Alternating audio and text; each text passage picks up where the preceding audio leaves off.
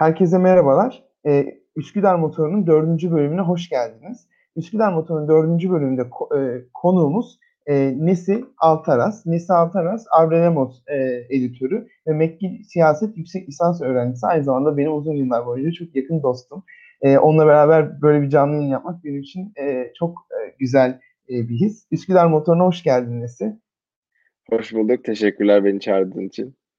Ne demek? Ee, Üsküdar motoru e, Üsküdar motoruyla Beşiktaş'a 15 dakikada 10 dakikada gidiyorsun. Biz de Türkiye'den Amerika'ya böyle sen gerçi Kanada'sın Kanada'dasın şu anda ama böyle çok kısa bir dakikada 40-50 dakikada gitmeye çalışacağız.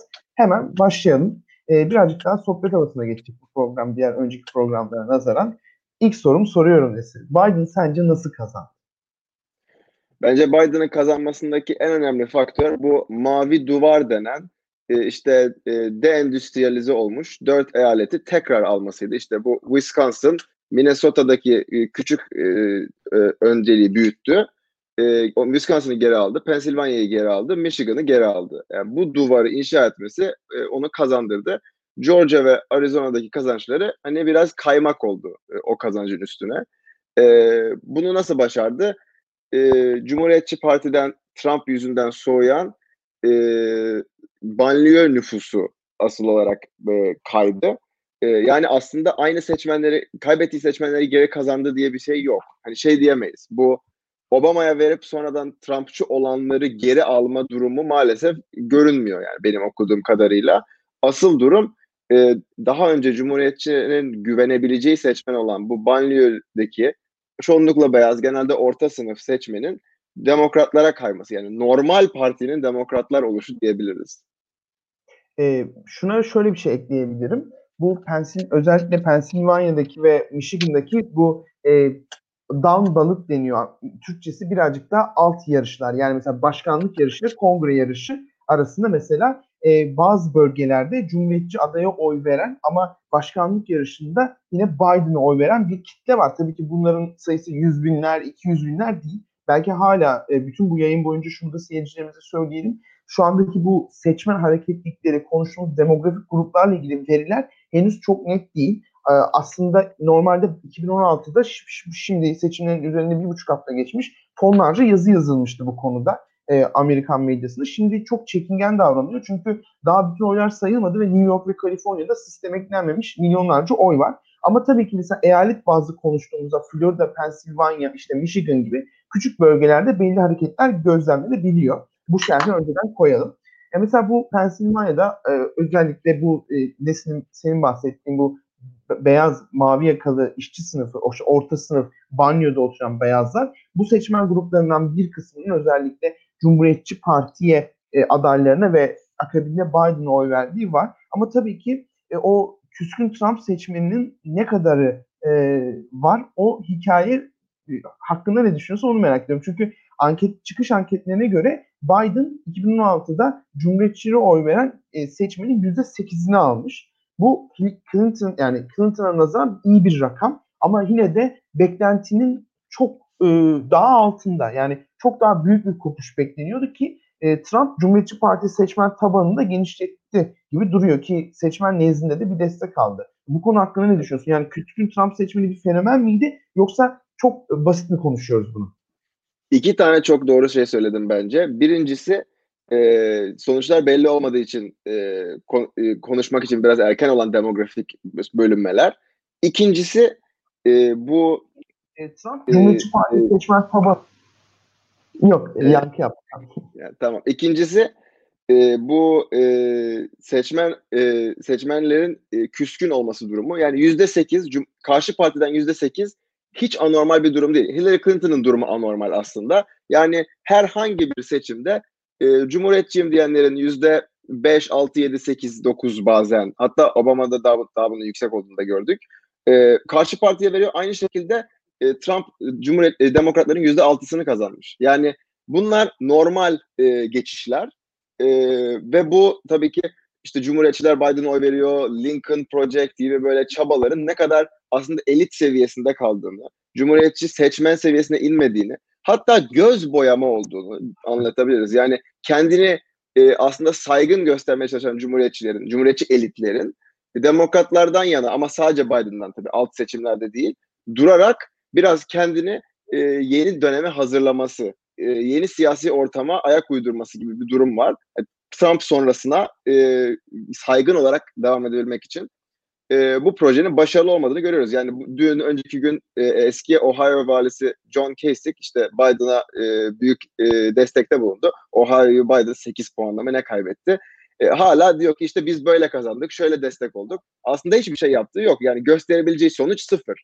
E, ama hala sanki kendisi bu kazancın parçasıymış gibi yönetimde şimdi söz sahibi olmak istiyor.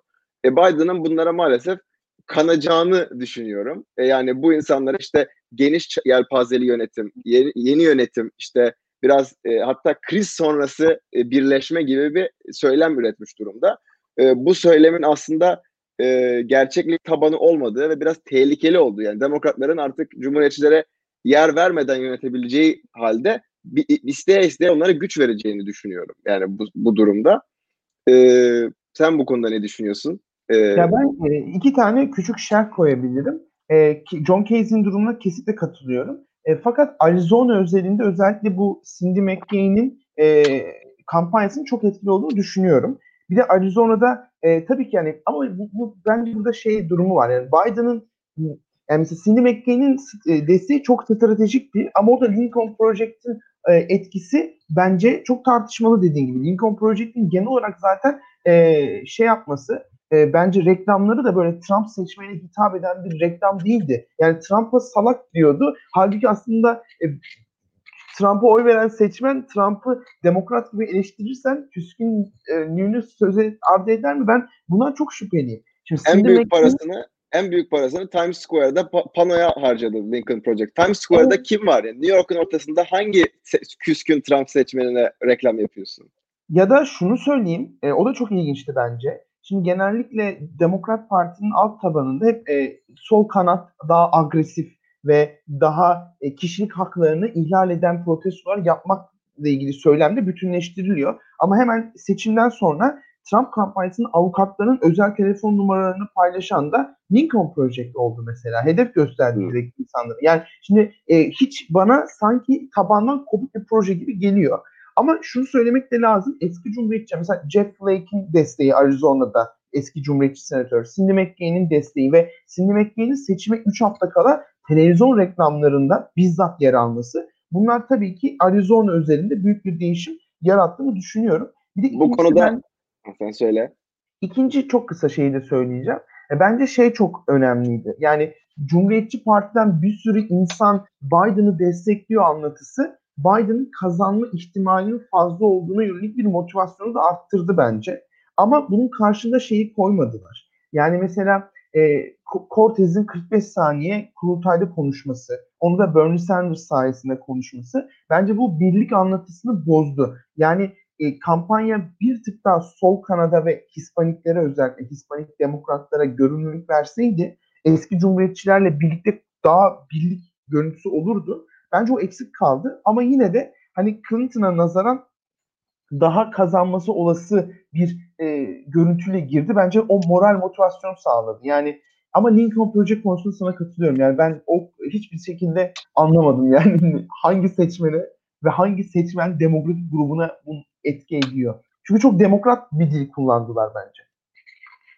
Ee, kesinlikle katılıyorum. Bu Arizona konusunda senden biraz ayrışacağım yalnız. Arizona'daki seçmen dağılımına ve haritaya bakarsan Arizona'ya Joe Biden'a kazandıranın beyaz küskün Trumpçılar değil Navajo milleti olduğunu görebilirsin. Ee, Türkiye'ye pek ulaşmıyor Amerikan yerleriyle ilgili muhabbetler gibi geliyor bana ama e, Arizona e, tam emin değilim ama yüzde beşin üstünde kesinlikle e, yerli olan bir eyalet. Bunların içinde en büyüğü de Navajo Nation denilen grup.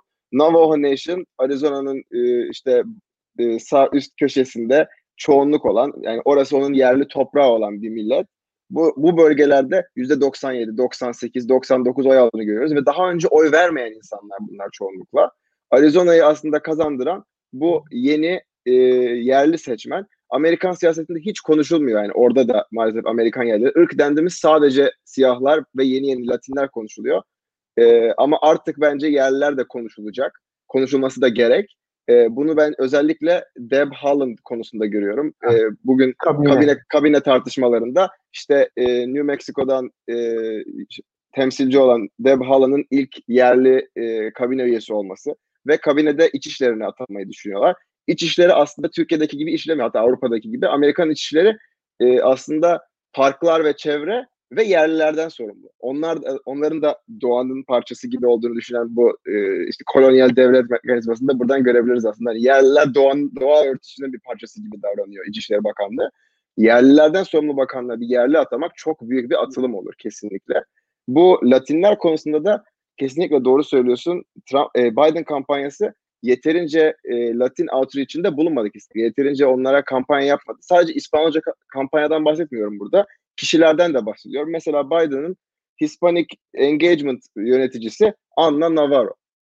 2016'ya kadar Republic, e, Cumhuriyetçi olan işte e, babası gurur duyuyor. Babası ne yapmış? İşte Nikaragua'da e, komünistleri vurmuş. Death Squad yönetmiş yani. Bununla övünen bir insan. Şimdi biz bu insana nasıl sözde sol, belki merkez sol bir partinin e, Hispaniklerle e, ilişkisini sağlattırabiliriz. Yani aslında cumhuriyetçi olduğu için zaten yerel Hispanik demokrat liderlerle bir ilişkisi yok. E, bunun yerine daha partiyi tanıyan, bu nüfusu tanıyan Meksikalı birine koysa asıl o, o daha iyi odak olabilirdi. Ama biraz da Trump'ın bu konuda iyi bir hareketi var bence. Bu konuda mesela senin ne düşündüğünü merak ediyorum. Okudu bazı şeyler şunu söylüyor. E, Trump bu sefer geçen sefer yaptığı kadar e, göçmenliği önemli bir konu haline getirmedi. Yani ajandasında göçmenlik yoktu geçen sefer kadar. Daha çok işte polislik vardı bu yazın üzerine. Daha çok ırk vardı ama göçmenlik yoktu. E, bu da biraz e, kendini hedefte hissetmeyen Hispanik seçmenin ona yaklaşmasına e, olanak sağladı. Veya oy vermemesine bazı yerlerde. E, bunu işte en çok e, Güney Florida'da ve Güney Texas'ta gördük. Arizona'da dediğim gibi bu durum farklı oldu veya Kaliforniya'da. E, şunu hemen ekleyeceğim. O Hispanik meselesine ayrıca gelelim. Bu e, Arizona meselesinde senin dediğin ek olarak şunu da ekleyeceğim. Hani rakam paylaşalım, yazıyorlar. Şimdi Arizona'da mesela e, Nesin dediği bölge ek olarak Maricopa bölgesinde mesela 2016'da mesela Trump bir, e, %49.5 almış.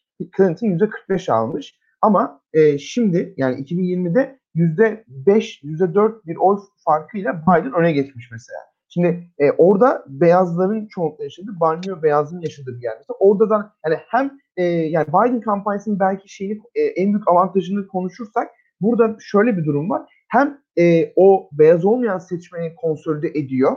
Belki tartışırız ne, neyi ne kadar konsolide etti ama hem de bir kısım beyaz orta sınıf banyo seçmeni kendisine çekti. Şimdi e, bu e, Hispanik ve Trump meselesine ge- gelelim. Şimdi çok güzel bir şekilde giriş yaptın aslında. Benim şahsi görüşüm şu. E, yani bence Hispanik oyunu bir bütün olarak değerlendirdi Biden kampanyası. Hiçbir fark yokmuş bir şey. Dindar Hispanik, işte önceden göç etmiş Hispanik, Venezuela'dan gelmiş Hispanik, Kolombiya'dan göçmüş Hispanik, Meksika göçmeni ve bütün bunların hani sanki Trump'ın yüzünden sadece demokratlara oy vereceklerini düşündüler. Bu büyük bir hataydı bence. Florida'da zaten mesela Miami'deki sonuç yani e, Trump'ın Miami'de oyunu çok ciddi bir şekilde arttırması, Texas'ın sınıra yakın bölgelerinde oyunu ciddi bir şekilde arttırması. Bütün bu hikaye aslında e, hem dindar hem de Venezuela ve e, e, Küba göçmenini e, Hispaniklerde o sosyalizm anlatısının işe yaradığını gösteriyor. Peki şunu ben sana sorayım. Florida'da komüniste kanma Yuan nasıl tuttu sence? Yani e, şimdi şunu da akabinde hemen sormak istiyorum. Biden'ın bu anlatıya cevap verme şansı var mıydı? Çünkü bana kalırsa Biden'ın ben komünist değilim, sosyalist değilim demesi yani daha fazla ne kadar diyebilirdi? Daha fazla ne kadar kendini o kanattan uzak tutabilirdi? Hiçbir fikrim yok çünkü adam zaten bütün ön seçimde sosyalist değilim diye kampanya yaptı. Yani hani e, bunu çok merak ediyorum. Bu konuda bir alternatif var mıydı yoksa bu e, kayıp bir vaka mıydı yani sence? Bence kesinlikle kayıp bir vakaydı. Yani bunu sol e, yıllardır söylüyor. Yani 2008'de de söyledi. 2012'de de söyledi. Obama'ya da sosyalist dediler, komünist dediler, solcu dediler. Değildi. E, Hillary'e de dediler, Biden'a da dediler. Yani bu yetersiz. Asıl kuvvetli olabilecek şey ancak e, işte Bernie aday olsaydı mesela diyebilecek evet sosyalistim ne var? Ya da işte eğer eğer eğer herkese sağlık vermek istemek sosyalizmse o zaman sosyalistim gibi bir şey deseydi Biden Yani herkese sağlık vermek istemiyor maalesef. Ama böyle bir açıklama yapsa bence kuvvetli olabilirdi. Ha Florida Kübalılarını kazanabilir miydi? Bu tartışmalı. Ama Florida Kübalıları e, yani bu işin sonu değildir. Yani seçim onlarsız da kazanılabiliyor Biden'ın gösterdiği gibi. Hem de haydi haydi kazanılıyor yani. E, burada önceden bahsettiğim, dönmek istediğim nokta şey, e, Biden'ın diğer e, demokrat adayların önde önünde gitmesi. Yani e, bunu Hillary'de bu kadar ciddi farklı görmemiştik aslında. E, bu e, congressional ballot dedikleri olay yani aslında e, bütün temsilciler seçimi tek tek ama toplamda demokratlar ne kadar oy almış versus toplamda ne kadar cumhuriyetçiler oy almış. Sadece 1-2 puan fark var şu anda. Ee, bir önceki sefer veya 2018 ara seçimlerinde bu farkın çok daha büyük olduğunu gördük. Ee, yani burada aslında anti-Trump oyunun Biden'a yaradığını ve aslında demokratlara kalıcı geçiş olmadığını bir sürü yerde görüyoruz. Bu da tabii e, tedirgin edici bir konu demokratlar için. Yani nasıl temsilciler meclisini 2010 2022 ara seçiminde tutacaklar? Bence tutamayacaklar ve bu da e, Biden'ın e, bütün ajandasını e, mümkünsüz kılacak. Yani e, hem zaten senato kayıp e, bir de üstüne temsilciler meclisi kaybedilirse Biden yine Obama'nın ikinci döneminde olduğu gibi 2014-2016 arasında olduğu gibi sıfır yasa yapma dönemine girecek büyük ihtimalle. Ya ben de sana katılıyorum çünkü mesela şimdi e, Türkiye'de daha o, o meseleye gelemedik ama o belki de gelmemiz gereksiz çok detay ama Temsilciler Meclisi'ndeki yeni seçilen cumhuriyetçiler çok farklı önceki cumhuriyetçilere göre. Yani ha. çeşitlilik açısından, kadının e, o cinsiyet açısından yani ve e, daha genç ve daha atak bir söylemleri var. Ve benim tahminimce senin dediğin gibi 2022 ara seçimlerinde e, gerçekten demokratların bu taktik bir taktikleri olduğunu düşünmüyorum. Yani Trump'a karşı e, durmak, sadece Trump eleştirisi yapmak yeterli bir taktik değil. Çünkü bir sürü seçmeni memnun etmek için hiçbir şey söylemiyorlar günün sonunda. E ama bir yandan Cumhuriyetçinin bir ajandası var. Şimdi tamam evet. demokratlara göre belki çok salak ve aptal bir ajanda ama sonuçta bir ajandaları var ve iktidardaki Biden'a karşı bir denge mekanizması kuracak e, söylemi var ve daha genç, daha kadın, daha e, etnik açıdan çeşitli bir e, aday sinsiyesi var. Yani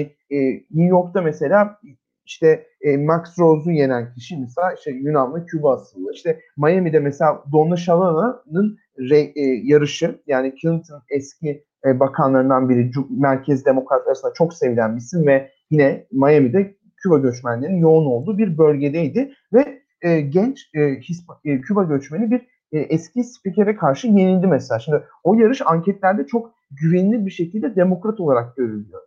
O sürpriz oldu demokratlar için. Yani eski bir bakan yarışı kaybetti. Şimdi bu noktada demokratların e, ne yapacağı konusu şey ama e, ben hemen onun akabinde şunu şuna bağlıyorum. Sana şunu soruyu soracağım. Ya sence demokratların bu esnekliği iki senede sağlayıp işte e, bir strateji belirlemeleri olan mı ki şimdiden kavga etmeye başladılar yani. Ee, birkaç şey söyledin hepsine cevap vereyim. Öncelikle bu Don Aşağılar'ın e, Florida 26'daki yarışı konusunda e, şunu söyleyeyim. Ya, o çok kötü bir adaydı zaten. Geç, 2018 ara seçiminde seçildi. Çoğunlukla İspanyolca konuşan, tek dili İspanyolca olan çoğunluklu bir yerde İspanyolca konuşamayan bir aday koydular. Don Aşağılar İspanyolca konuşamıyor. Yani bu baştan hatalıydı zaten. O, o, o zaten şansa kazanılmış bir 2018 yarışıydı e, bir dahakine aday bu seçimde bence bunu gördük. Aday kalitesinin ne kadar önemli olduğu kongre adayları konusunda. Max Rose mesela 2018'de çok başarılı bir kampanya yapmıştı. E, ka- adayına karşı sadece işte e, ilaç şirketlerini savunuyor. Ben ilaç şirketlerine karşı çıkacağım dedi. Bu sefer ne dedi? E, De Blasio'yu sevmiyorum. Bu kadar. Başka kampanya materyali buydu. E, yetersiz bir kampanya yürüttüğünü görüyoruz. E, yeni cumhuriyetçilerin çeşitliliğini biraz abartmamak lazım bence. Yani yani e, üç kadından beş kadına çıktılar gibi. Yani o yüzden hani yüzde altmış arttı gibi söyleyince çok geliyor aslında ama sayılar o kadar küçük ki. E, ama ve bu e, yeni cumhuriyetçilerin tehlikeli olduğu konusunda kesinlikle hem fikrim. Yani e, burada komplo teorisi, QAnon komplosunu destekleyenler var. Bir tane neonazi var mesela. Madison Cawthorn diye 25 yaşında biri North Carolina'dan aday, e, adaydı, kazandı. E, normalde kesin Republican olan bir yerde yakın bir seçimle kazandı ama kazandı. Kendini e, Cumhuriyetçi AOC tarzı bir şekilde satmaya çalışıyor ama adam bildiğin neonazi. Yani Hitler e, alıntılı Instagram postları mı istersin? İşte yok Mein Kampf'tan baş, e, Facebook'a alıntılar mı istersin? Böyle bildiğin. Hı? Yazlığına gitmiş mi? E, Yani doğru, mesela evet yani bi- bildiğin neonazi yani. Bu insanlar şimdi artık temsilciler meclisinde bir e, kürsüleri var.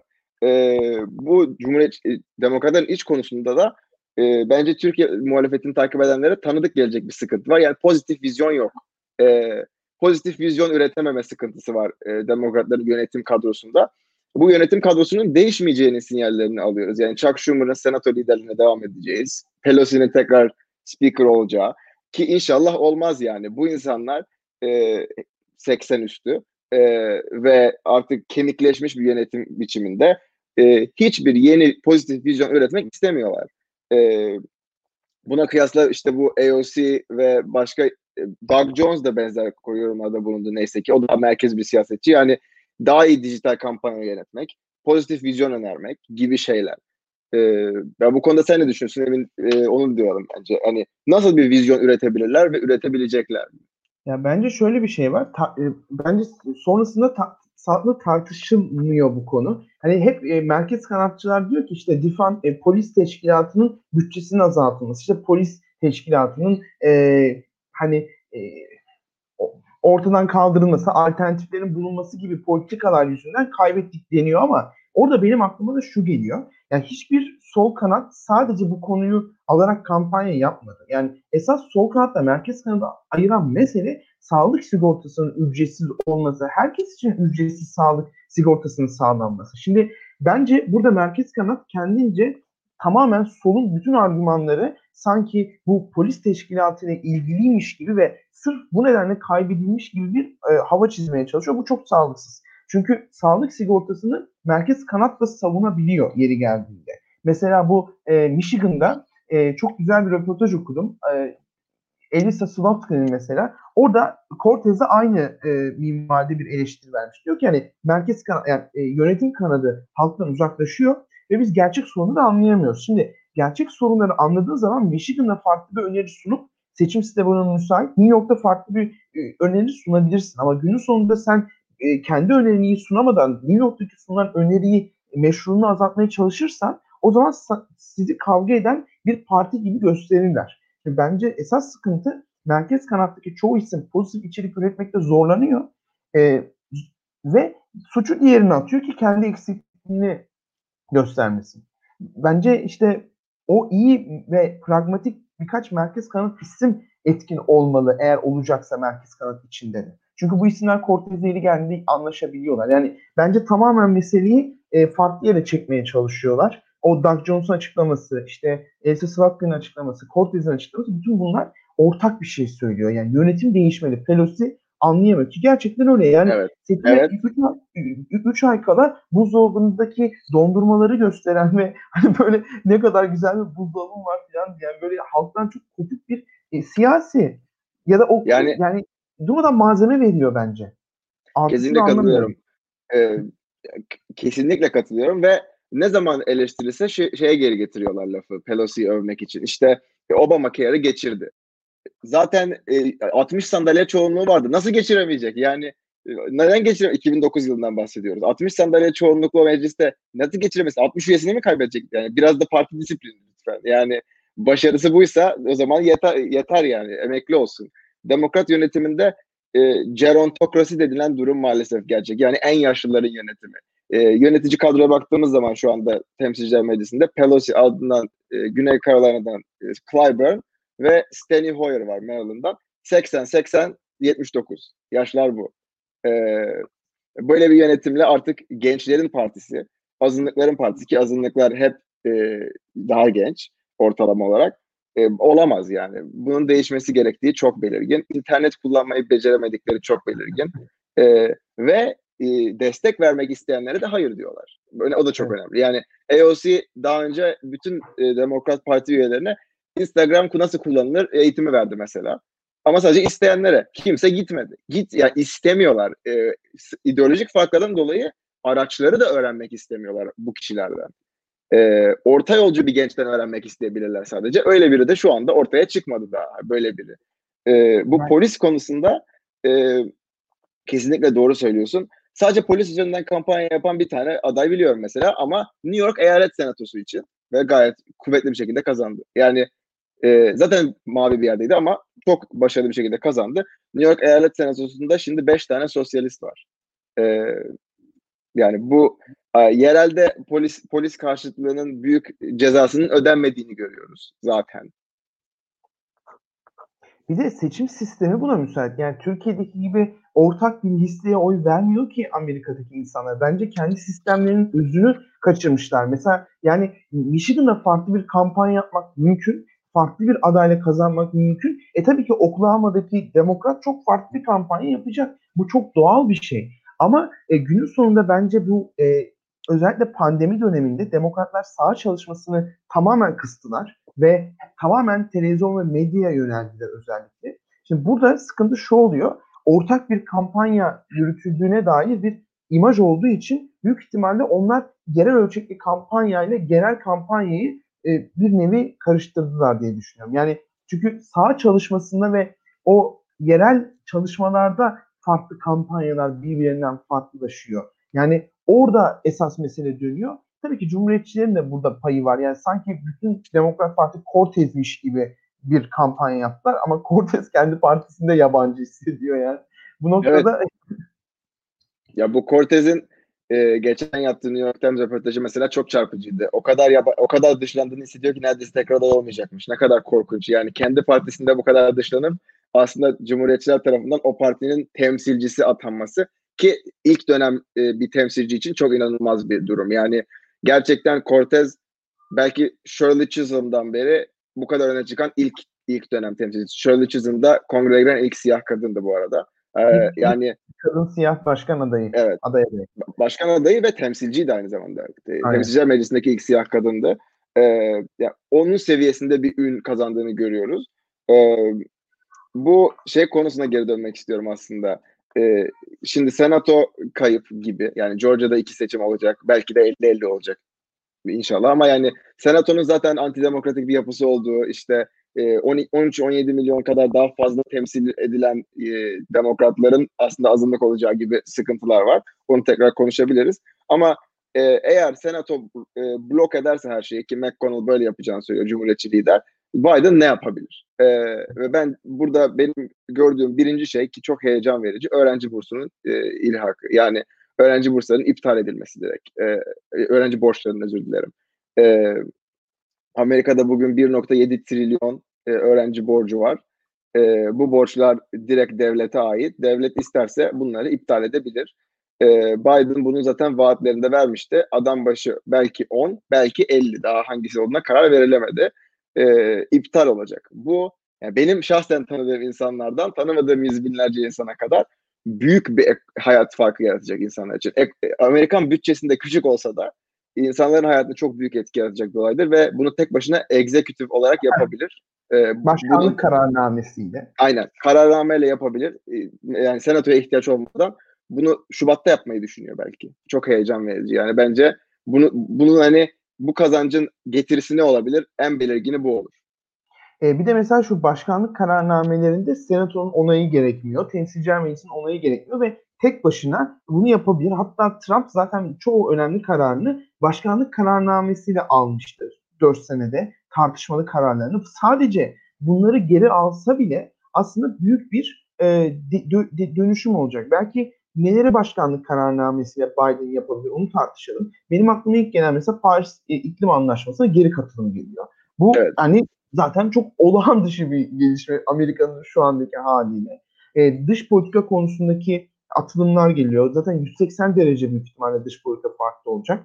Bunun dışında senin e, beklentilerinle ne konuşuluyor e, bu e, öğrenci borçlarının affedilmesi dışında, silinmesi Öğrenci dışında? borçları bir numara benim gördüğüm. İklim iki. Yani hatta aslında öğrenci borçları çok kısa bir şey çünkü o anda yapılabilir ve bitiyor konu. Ama iklim en önemli e, e, yani yöneticilerin yapabileceği ve temsilci ve senatoya ihtiyaç olmayan konu. E, Biden'dan büyük bir iklim e, koordinatörü ataması beklentisi var mesela. Şu anda var olmayan bir pozisyon yaratılması. E, çünkü Türkiye'nin aksine aslında Amerika'da bir e, e, çevre bakanlığı yok. E, e, işte Environmental Protection Agency var. Yani çevre koruma kurumu hani kabine seviyesinde bir yöneticisi var o kurumun. Ancak bir sekreter değil yani bir bakan statüsü yok. e, bu bakanlıklar arası iklim çalışmalarını koordine edecek bir pozisyon yaratılmasını istiyorlar. E, ve bunu tek başına yapabilir Biden ve yapma, yapacağını düşünüyorum gerçekten. E, aynı şekilde biraz Biden'ın ne kadar sert çıkmak istediğiyle alakalı bu e, iklim çalışmaları. Mesela e, eğer gerçekten iklim konusunda ciddi, e, daha önce kömür veya e, petrol geçmişi olmayan insanları bu pozisyonlara atarsa büyük atılımlar görebiliriz. E, Paris Anlaşması demek bence gün bir zaten yapacağını söylediği bir şey. Hani birinci gün yapabilir ve yapacak. E, 22 Ocak'ta Amerika Paris Anlaşması'na tekrar katılabilir. Ben bunu yani e, buna iddiaya girebilirim. E, ama iklim konusunda işte e, Trump'ın biraz bertaraf ettiği e, Endangered Species Act e, uygulamaları yani işte e, hayvan hakları koruması. Onun dışında Clean Water Act e, sert uygulamaları e, Trump'ın biraz e, boşladığı. Ya çünkü bu bu Türkiye'de veya başka yerde çok olmayan bir durum aslında. E, başkanın bazı yasaları uygulamama gibi bir durumu oluyor. Mesela Obama'nın işte e, polisler, e, federal polisi e, marihuana e, federal politikalarını uygulamamayı söylemesi. Yani baskıyı kaldırın demesi. Var yasa hala yani yürürlükte ama e, e, iktidar uygulamıyor. Aynı şekilde Trump'ın iklim politikaları için kullandı. Yani iklim politikalarını uygulamadı bazısını. Trump'ın bunları, e, e, Biden'ın bunları körü körüne uygulayacağını bekliyoruz. Aynı şekilde e, milli parklarda e, petrol çıkarmayı yasaklayacağını düşünüyorum. Milli parklarda petrol çıkarma yasağını Trump kaldırmıştı. Arizona'da bu da çok önemliydi. E, Bears Ears Milli Parkı var. Navajo milletinin toprağında. E, bu parkı Trump e, şeye açtı. Petrol e, araştırmasını açtı. E, Trump'ın pet- petrol araştırmasını açması tabii ki Navajo milletini çok derinden etkiledi. Bu e, bunu geri çevireceğini söyledi Biden. Bunu da aynı şekilde ilk haftasında yapabilir. E, peki şey şeye geçelim yavaştan. E, Trump'ın yenilgiyi kabul edip etmemesine geçelim. E, ne öngörüyorsun? Yani şu, e, yenilgiyi kabul edecek mi? Yenilgiyi kabul etmese bile Beyaz Saray'dan çıkacak mı? E, ne ihtimal görüyorsun? Valla e, belki çarşamba günü korkmuyordum. E, Perşembeden beri biraz korkuyorum diyebilirim. E, şu, şunu gördüm. E, çarşamba öğleden sonraydı galiba. E, Dışişleri Bakanı Pompeo e, işte e, ne zaman geçiş yapmaya başlayacaksınız dediği zaman ikinci Trump döneminde çok iyi bir geçiş olacak dedi. E, hiç de şaka yollu söylediğini düşünmüyorum bunu yani. Ondan itibaren farklı yöneticilerin, farklı temsilcilerin, Cumhuriyetçiler kadrosundaki herkesin bu, bu söylemin arkasına geldiğini, bunu buna destek verdiğini, işte e, Beyaz Saray Sözcüsü McKinney'den işte Georgia Cum Cumhuriyetçi Senato adaylarına herkesin bütün yasal oylar sayılsın, illegal oylar ayrı sayılsın, onlar iptal edilsin. Aslında biz kazandık, işte süreç işleyecek falan gibi aslında seçimin altını oyan e, söylemlerin arttığını görüyoruz.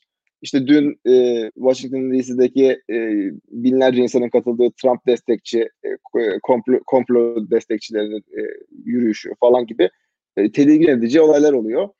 E, inşallah mahkemeye gitmez durum. Ama biraz zor görünüyor. Yani Trump eninde sonunda atılacak yani. Gerekirse yaka paça atarız dedi e, gizli servis. E, o yüzden gerekirse yaka, umarım yaka paça atarlar. Yani.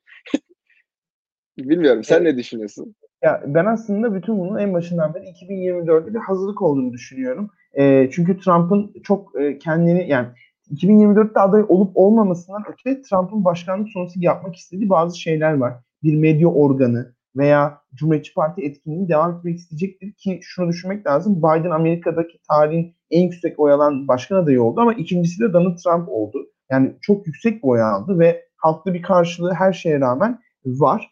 E, seyircilerimizden de biri sormuş 2004 seçimlerinde Trump aday olur mu diye. İşte bu noktada e, Trump'ın aday olma ihtimali bence var. Çünkü Trump şu andan bile bence ben aslında yenilmedim, elimden çaldılar gibi bir şey söylüyor ve Trump'ın ailesinden birinin de aday olma ihtimalinin az da buz olmadığını düşünüyorum. Ama şu da önemli. Bence Trump bundan sonra e, bunu bu seçimde gördük. Seçim sonrasında bütün makul denilen, işte dört cumhuriyetçi senatör hariç hiçbir cumhuriyetçi senatör zaten seçim sonucunu kabul etmedi henüz. İşte Ben Sese, Lisa Murkowski, Susan Collins ve Mitt Romney zaten bu dördü de Biden'la işbirliği yapmak e, isteyeceğini en başından beri sinyallerini veren. Çok sürpriz değildi. Ama diğer bütün cumhuriyetçi senatörlerin işte yeri geldiğinde başka ülkelerdeki seçim sonuçlarını kabul etmeyen liderlere mektup yazan, uyarılar veren, bu konuda e, Dışişleri Bakanı mesela daha seçim günü fil dişi sahiline düzgün bir seçim e, yap diye mektup yazılmış yani o konsolosluğa. Şimdi bütün bunların ışığında şu, ya bu insanlar bence biliyorlar seçimin bittiğini ama şöyle bir algıları var. Yani Trump o kadar güçlü ki 2024'te aday olmak isteyen bir cumhuriyetçi Trump'ın saldırısına karşılık veremez. Yani Trump onlar için bir tehdit, bir e, şantaj. Yani bu noktada Trump'ın e, her, dediği her şeye he deme üzerine e, kurulu bir düzen olacak. Çünkü Trump aday olmasa bile bir radyo programına çıkıp işte bu adama oy vermeyin, bu kadına oy vermeyin dediği zaman o kişinin ön seçimdeki şansının oldukça düşeceğini düşünüyorum. Çünkü Cumhuriyetçi Parti bence artık kalmadı. Yani Cumhuriyetçi Parti'deki o eski Türkiye'den baktığımız zaman işte işte John McCain gibi işte eski senatörler işte yeri geldi Obama'na e, yenilgi konuşmasında ekstra öv, övgü yapan işte bir tık daha düzgün denebilecek insanlar bence artık çok az kalmadı yani etkileri yok. E, ama ben de şeyi okudum birkaç kulis haberinde. Trump'ın gizli servis tarafından çıkarılmayı istediği, yaka bakıcıya götürülmeyi istediği ki böylece bir mağduriyete hmm. istediğini okudum. E, ama bilmiyorum medyada artık e, çok fazla bu tür şeyleri e, abartıyor bence. E, ama Olabilir. bilmiyorum böyle bir ihtimalle bunun bir şova dönüşmesi var. Yani bilmiyorum ama anayasada benim bildiğim kadarıyla e, Trump istese de istemese de e, bir yemin töreni olacak. Inauguration deniyor buna. Trump katılsa da katılmasa da e, bu noktada e, Trump e, ondan sonra Beyaz Saray'da kalırsa Biden diyecek ki gizli servis çıkarın e, beyefendiyi ve Trump çıkarılacak. Yargıda da sen çok ciddi bir iddia görüyorsun. Çünkü dilekçeleri okuduğum zaman Twitter'dan toplanan bazı deliller var o kadar. Evet yargıda ciddi bir iddia yok zaten. Ama bu daha önce kimseyi durdurmadı. Yani e, yargıda yani bugün Yüksek Mahkeme'de 6-3 e, Cumhuriyetçi çoğunluk olduğunu biliyoruz. Hani bunlardan e, işte baş baş hakim Robertson daha e, kurumsalcı bir pozisyon olduğunu düşünürsek 5-4 Cumhuriyetçiler ne isterse yapabilir aslında biraz. O yüzden işte gerçekten kanıt var mı yok mu çok önemli değil aslında maalesef. E, yani biraz guguk devletliği başlamış yani o seviyede. Ama alt mahkemelerde böyle bir sıkıntı yok. Yani alt mahkeme hakikaten derse ki e, yok seçim gerçekti kardeşim ve seçim mahkeme kararı verilmeden yani direkt davayı atıyorlar. E, bu dava görülmeye değer değildir diye. O Aynen. zaman üst mahkemeye gidemiyor. E, o çok önemli. Bunu Pensilvanya'da gördük bile. E, Arizona'da gördük bile. E, getirilen davaların böyle dava olur mu diye atıldığını gördük. E, bu tabii önemli. E, yani gerçek bir sıkıntı yok aslında. Yani aslında şu mesele şuydu. Seçim dönüp dolaşıp Pensilvanya'ya kilitlenseydi Pensilvanya'daki mesele cidden yüksek mahkeme giderdi ki gidecek bence. Özellikle şu e, düzeltilmiş pusulalar işte bazı seçim bölgelerinde bunların düzeltilip bazı bölgelerde düzeltilmemesi ve bunun işte 2000 yılındaki Florida'daki gibi eşit koruma yükümlülüğüne aykırı olduğu iddiası ve geç kabul edilen oylar bunlar cidden hani yüksek mahkemeye gidebilirdi. Bunlar çünkü e, Nevada'daki Arizona'daki kadar hukuki temelden yoksun iddialar değil. Ama mesela Nevada'da dediğin gibi mesela hani ölü seçmen, taşıma seçmen bu gibi iddialar çok iyi belgelenmedi. Hatta birka, birkaç dilekçe okudum şey yaz, yazmışlar yani deliller e, işte sonrasında sunulacaktır diye bir dava dilekçesi yazmışlar. Mesela. Ölü seçmenler röportaj gördüm ben. Onu gördün mü mesela? ee, ölü olduğu iddia edilen bir kadına röportaj yapmışlar. Diyor ki hayır ben ölü değilim. Oyumu da verdim. Ya bir de mesela bir tane, iki tane, hatta on tane iddia doğru olabilir. Yani on tane usulsüz olabilir. Ama seçim hukukundaki temel prensip seçim sonucunun etkilemesidir. Şimdi bu noktada Nevada'da ve Arizona'daki o hani tamam yüz binlerce oy fark yok ama sonuçta 20 bin oyluk bir hile yapmak e, büyük bir federal suç. Yani oradaki seçimde görevli olan e, yaşlı emekli insanlar işte oradaki memurlar bunu asla göze almıyorlar. Georgia'daki yeniden sayımın da çok değiştireceğini düşünmüyorum. Çünkü 2016'da Wisconsin'da sadece 130 e, oy değişmiş. İşte yine başka eyaletlerde daha küçük rakamlar. Yani Georgia'yı da alırsa Pennsylvania mahkemeden dönse de yine Joe Biden çok büyük bir oranda e, şeyde seçiciler kurulu oylamasında büyük ihtimalle zaten başkan evet. seçilir. Asıl e, bence yani şey meşruiyeti sağlayacak olan da odur. 12 Aralık'ta e, bu Electoral College buluşacak. E, resmen seçim e, olacak yani. O da heyecan verici yani. Bir meşruiyet sonuç onaylanacak. E, ondan sonra bence biraz hafifleyecek bu komplo tartışmaları. e, bu Trump'ın geleceğiyle ilgili dediğine geri gelmek istiyorum. Bence doğru tahmini yaptın. Yani Trump'ın kendisi bizzat bir daha aday olacağını düşünmüyorum. Biraz tembel bu konuda. Yani aslında başkanlık sorumluluklarını çok sevmediğini biliyoruz. Ee, ama bu kingmaker denilen kişi olmak istiyor. Yani e, cumhuriyetçilerin karar vericisi. Yani o bütün gün oturacak işte insanlar ona gelip e, kendini anlatacak. O da radyoya çıkıp diyecek ki buna oy verin veya buna oy vermeyin. O bunu, bunu buna bence daha e, hazır ve buna bunun için de iyi pozisyonlanmış durumda. Yani kendisi başkan olmasa da veya senatör olmasa da e, oturduğu yerden e, işte kimin başa gelebileceğini kontrol edebilecek bir pozisyona gelecek diye düşünüyorum. E, bu seçim bence tam da dediğin gibi de yani Cumhuriyetçilerin kuvvetli bir şekilde seçim e, doğrudur diye çıkış yapmaması bize zaten bildiğimiz bir şey gösteriyor ki Cumhuriyetçi Parti e, seçim karşıtı. Yani çünkü şunu biliyorlar. Ne kadar çok oy veriliyor biz o kadar kaybediyoruz. İnsanlar oy veremediği sürece biz kazanıyoruz. Ee, bunu işte Georgia'da da gördük. İşte 2018'de e, vali seçiminde demokratlar yakın bir şekilde kazandı. E, oy verememe sıkıntısı çok büyüktü. İşte siyahlara kimlik gösterme zorunluluğu, işte e, e, belli sandıkların kapatılıp başka yerlere taşınması, daha sandık e, lokasyonu olması gibi sıkıntılar var. E, bunların hepsinin Cumhuriyetçilere yaradığını gördük. Bu sıkıntılar düzelince bu son iki senede 2020'de e, Georgia'da demokratların çok daha başarılı olduğunu görmüş olduk. Yani Cumhuriyetçiler artık e, sessizce söylemiyorlar bunu, açıkça söylüyorlar. E, eğer demokrasi iyi işlerse biz kaybediyoruz e, gibi bir durum var. Yani e, seçim eşit bir şekilde yapılırsa, herkesin oy vermesi mümkün olursa insanlar bize oy vermiyor. O yüzden olabildiğince oy vermeyi engellemek taktiğini işletiyorlar.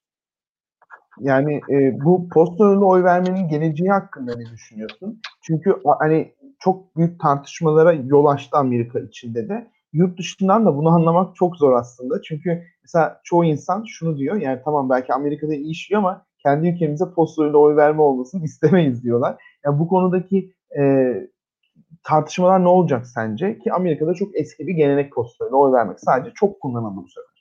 Evet bence yayılacağı kesin. Ee, mesela e, Oregon'da zaten herkes postayla oy veriyordu. Bu seçimden önce de.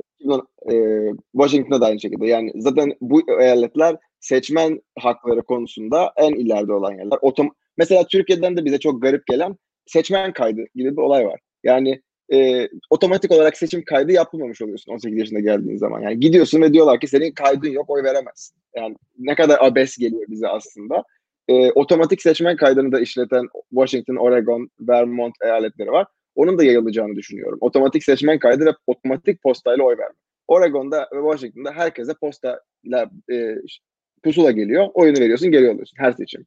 E, bu tabii büyük bir atılım olur seçmen katılımı için. Bunun yaygınlaşacağını düşünüyorum. Özellikle korona devam ederse. E, mesela 2021 yılında New York e, şeh, şehir e, konseyi seçimi var seçim e, seçimde post oyların çoğunluk olacağını düşünüyorum. E, yani artık bu normal olacak. E, güvenilirlik konusunda evet garip geliyor dışarıdan. ya ben şunu e, düşünüyorum. Şeyi çok merak ediyorum. Acaba Trump e, en başından beri post oy vermeyi e, cesaretlendirmedi. Meşruluğunu azalttı ve kendi seçmene dedi ki sandığa gidip oy verin. Şunu hep merak ediyorum ve aslında Trump kampanyası bunu tartışıyor sanırım. Acaba kendi seçmeni post oy vermeye cesaretlendirseydi e, ne olurdu? Onu çok merak ediyorum. Yani acaba kat, katılım e, kendi seçmenin sayısı artar mıydı? Sandığa o gün gitmemiş seçmenler eklenir hmm. miydi? Hani bu konuda belki çok teorik e, konuşacağız. Hani elimizde bir veri yok ama bu konu hakkında çok kısa görüşlerini alayım. Sonradan şu kabine tartışmalarına geçelim. Yani bilemedim doğrusu. Şunu düşünüyorum. Kim postayla oy vermeyi tercih ediyor? Korona olmaktan korkanlar Trump Çok seçmeninin genelde böyle bir korkusu yok. Yani yaşlı olsa da Trump seçmeni koronayı pek ciddiye almıyor maalesef. Biraz kaderci bir Türkiye'den tanıdık olan bir bakış var. İşte bize olacaksa olur. Yapacak bir şey yok. Yani e, o yüzden acaba postaya vermeyi destekleseydi emin değilim. E, Trump'a bir artısı olacağını. Şimdi e, çok az kaldı bitmesine. E, şeyi konuşalım. Birazcık e, sinyal verdik ama e, bu Biden ittifakı, seçim sonrası kavgalar ve kabine olasılıklarını konuşalım.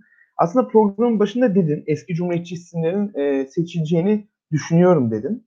Ben şunu merak ediyorum. E, Biden sence e, sol kanattan e, bir yani isimler demeyeceğim. Bence bir iki isim en fazla koyar ama kimi e, bakan yapabilir? Şu çok ciddi bir şekilde konuşuluyor. Sanders çok ciddi bir şekilde Çalışma Bakanı e, olmaya e, çalışıyor. Bunun hakkında bir kampanya yapıyor. Yine Elizabeth Warren'ın Hazine Bakanı kampanyası gibi. Bu iki ismin e, olacağını düşünüyor musun? E, nasıl olacak?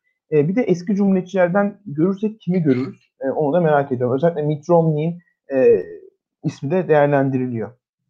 Ee, şunu söyleyeyim, bence e, Elizabeth Warren ve e, Bernie'nin e, seçilme olasılığı tamamen Georgia seçiminin sonucuna bağlı. E, çünkü eğer gerçekten senato 50-50 ise o ikisini kimse bakan yapamaz. Yani hiçbir güç onları bakan yapmak istemez. Çünkü o ikisinin de valisi e, cumhuriyetçi. Eğer bakan olurlarsa cumhuriyetçi vali, cumhuriyetçi senatör atacak. 50-50 oldu 52-48 yine. Olacak iş değil. O yüzden bunun sonucunu bence ancak Ocak ortası göreceğiz. Yani tam e, inauguration'dan önce işte 6 6 Ocak olması lazım seçimin. Evet. E, 6 Ocak'tan sonra ancak öğreneceğiz e, bu, bu adaylar gerçekten bakan olacak mı? E, tabii Bernie'nin e, çalışma bakanı olması büyük bir değişiklik yaratır e, çalışma düzeyinde. Yani çünkü yine bu yürürlükte olan yasa uygulama olayı var Çalışma Bakanlığı'nda. Yani e, ödenmeyen maaşlar, vaktinde ödenmeyen maaşlar için ceza gibi şeylerin uygulanmasını e, öngörüyor e, bir e, Burn Çalışma Bakanlığı veya e, Çalışma Bakanlığı National Labor Relations Board denilen kurumun başında National Labor Relations Board yani işte u, u, ulusal işçiler işçi ilişkileri kurumu e, sendika onay e, sendika seçimi onaylama e, sor, sorumluluğuna sahip. E, mesela bu kurum tek başına sadece o kurum e, eğer üniversitede e, çalışan asistanların sendika hakkı olup olmadığına karar veriyor. E, şimdi eğer bunlar evet derse büyük bir sendikalaşma hareketine kuvvet verecek. Veya hayır derse sendikalaşmanın önünü kesebilir. Çünkü sendikalaşma Amerika'da şu anda artışta son 10 senedir. E, o yüzden Biden Çalışma, Berlin Çalışma Bakanlığı büyük fark yaratır. Elizabeth Warren'ın kesinlikle o Treasury'ye atanacağını düşünmüyorum. Yani e, bence Bernie'ye kıyasla evet yorum kesinlikle doğru. Bernie'ye kıyasla daha bile direnç gösterilen bir isim Elizabeth Warren. Ee, o yüzden onun olası olduğunu düşünmüyorum. Ee, daha sol yakınlıkta isimlerden Deb Haaland bence gerçekçi. Hem daha düşük profil bir bakanlık olduğu için iş işleri e, hem de kendisi daha düşük profil bir solcu olduğu için e, hem de bu e, ilk yerli muhabbeti de bence destek çıkacak ona. E, kabine konusunda konuşulmayan bir konu bence artık Avrupa'da ve yani demokraside çok konuşulan e, e, cinsiyet eşitlikli kabine konusu. Yani işte İspanya'da bunu gördük, Danimarka'da bunu gördük, Kanada'da bunu gördük. Hani bu bir seçim e, iddiası. Yeni Zelanda'da gördük. Hani bizim kabinemiz eşit olacak. Eşit kadın, eşit erkek. Biden'da hiç böyle bir iddia yok. Niye yok? Nerede bu? Hani bu söylem nerede? Ee, yine çoğunlukla erkek bir kabine atacak gibi duruyor.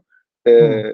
Biraz şey konuşması oldu işte e, e, Savunma Bakanlığı'na ilk kez kadın atayabilir falan gibi bir konuşma oldu ama genel bir kabine eşitliği konuşması olmadı. Kabine Tammy Duckworth bence olası bir isim. Ee, hem, hem soldan hem merkezden sevilen bir isim.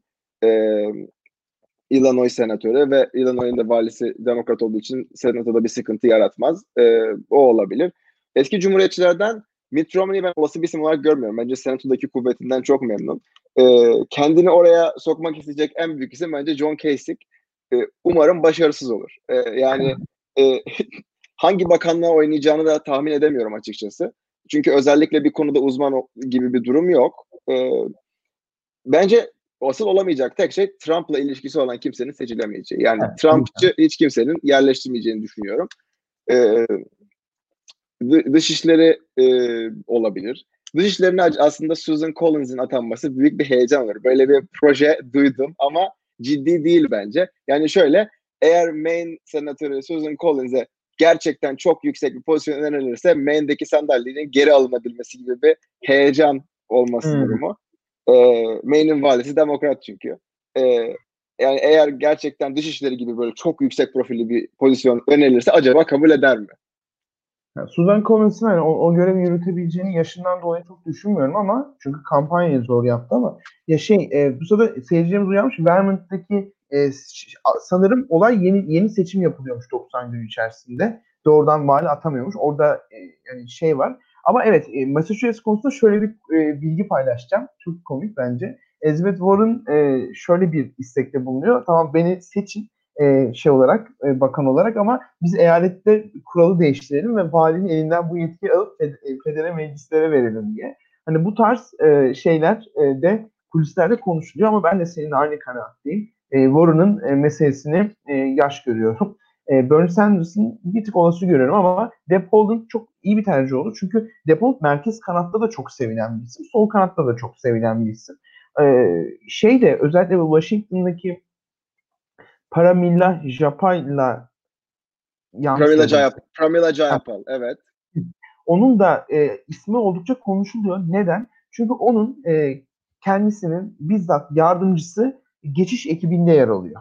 Şimdi geçiş ekibinde yer alan bir ismin e, aslında yani ekibinden biri geçiş, geçiş ekibinde yer aldığı için kabine iddiası da e, aslında konuşulan bir şey. Hani o e, bana ilginç gelmişti. Yani tem, bir temsilcinin ekibinden birinin Biden-Harris geçiş ekibinde yer alması. E, belki öyle bir şey olabilir. E, bu dışişleri konusunda senin beklenti, e, savunma bakanlığı konusunda beklentin Tommy Duckworth kendisi Irak Savaşı gazisi. Orada e, iki bacağını kaybediyor sanırım. E, bu nedenle or, e, Ortadoğu üzerinde de sonradan çalışan bir isim. Türkiye politikalarını henüz bilmiyorum. Çok detaylı politikası belki yoktur ama e, bir fikrin varsa belki ondan kısaca bahsedebilirsin. Bence Nasıl doğru söyledin. Bence doğru söyledin. Yani çok spesifik bir politikası olduğunu sanmıyorum. Özellikle yani hem genel olarak hem Türkiye spesifik olarak. E zaten bu dönemde ciddi bir dış politika statüko değişikliği olacağını düşünmüyorum. Yani hem koronadan dolayı hem de Amerika'da biraz enkaz devralma durumundan dolayı. Yani e, bir mevsim normallerine dönüş e, senesi geçireceğimi düşünüyorum. Yani dış politikanın ciddi olarak konuşulacağı herhalde en erken 2022 olacak. Anladım. E, peki sence e, ha şeyi e, soracaktım. Kamala Harris konusundaki beklentilerin ve görüşlerin ne? E, benim e, okuduğum ve anladığım kadarıyla e, Kamala Harris'ten beklenen bir Obama olmasıydı. En azından merkez demokratların ve 2008-2012'deki o rekor seviyedeki katılım, genç oyu, siyah seçmenin çok ciddi oranda konsolidasyonu. Tabii ki 2016'ya göre siyah seçmenden ve gençlerden daha fazla sandığa katılma destek oldu ama 2008 ve 2012'deki o rekor ve e, Obama büyük zaferi gibi bir zafer değildi. Birazcık çekingen bir zafer elde edildi. Yani Kamala Harris neyi karşıladı ve neyi eksik yaptı onu merak ediyorum. E, sonra ben de görüşlerimi ekleyip programı kapatırız. Bence Kamala Harris yapabileceği her şeyi yaptı. Ama her dört senede bir medyanın pompaladığı bir işte başkan yardımcısı etkisi, kimi seçecek, nasıl etkisi olur muhabbeti var. Ama siyaset bilimi literatürü bu konuda çok net ki başkan yardımcısı seçimi seçimde hiçbir etki yaratmıyor. Yani başkan yardımcısı adayı Virginia'lı olunca Virginia kazanılmıyor. Ve başkan yardımcısı siyah olunca siyah oylar kazanılmıyor. Kadın olunca kadınlar kazanılmıyor. Yani bunlar bu yani belirlenmiş. Artık yani medya her dört senede bir ne kadar bunu ortaya sürse de bunun bir etkisi olmadığını biliyoruz. Yani Kamala'nın ne bir artısı ne de bir eksisi oldu seçim konusunda bence. Ee, tabii ilk kadın işte ilk beyaz olmayan e, kadın oluşu falan gibi e, böyle umut verici işte e, mesajlar var. Bunlar ama seçim sonrasında ancak konuşuluyor. E, benim görüşüm hani Kamala Harris ile Stacey Abrams arasında bir seçim. Ya ben Stacey Abrams'ın daha iyi bir başkan yardımcısı adayı olacağını düşünüyorum. Çünkü kendisini daha motive bir şekilde bu siyah seçmenin e, se- seçmen olarak yazılması, Georgia'daki başarının daha konsolide edilmesi gibi konularda bir etkisi olacağını düşünüyorum. Ben hani Kamala Harris'in çok bu siyah seçmen arasında bir heyecan yaratıp yaratmadığı konusunda biraz şüpheliyim ama dediğin doğru. Gerçekten hani başkan yardımcısından öte bir durum var. Ki zaten Biden çoktan siyah seçmeni konsolide etmişti ön seçimde. Bunu görmüştük yani. Ee, yani burada başkan yardımcısının pozisyonu denge gibi olabilir. Ee, böyle son bir şeyin e, var mı, sözün var mı? Programımızın sonuna geldik. Ee, şu anda Burada mesela bitirebiliriz mi? e, o zaman şöyle diyelim. Üsküdar Motoru iskeleye yaklaştı. Herkese görüşmek üzere. Kanalımıza abone olmayı ve Patreon'dan bizi desteklemeyi unutmayın. Bir sonraki Üsküdar Motoru'da görüşmek üzere. Çok güzel bir programdı Nesi. Çok teşekkür ederim katıldığın için. Sağ ol.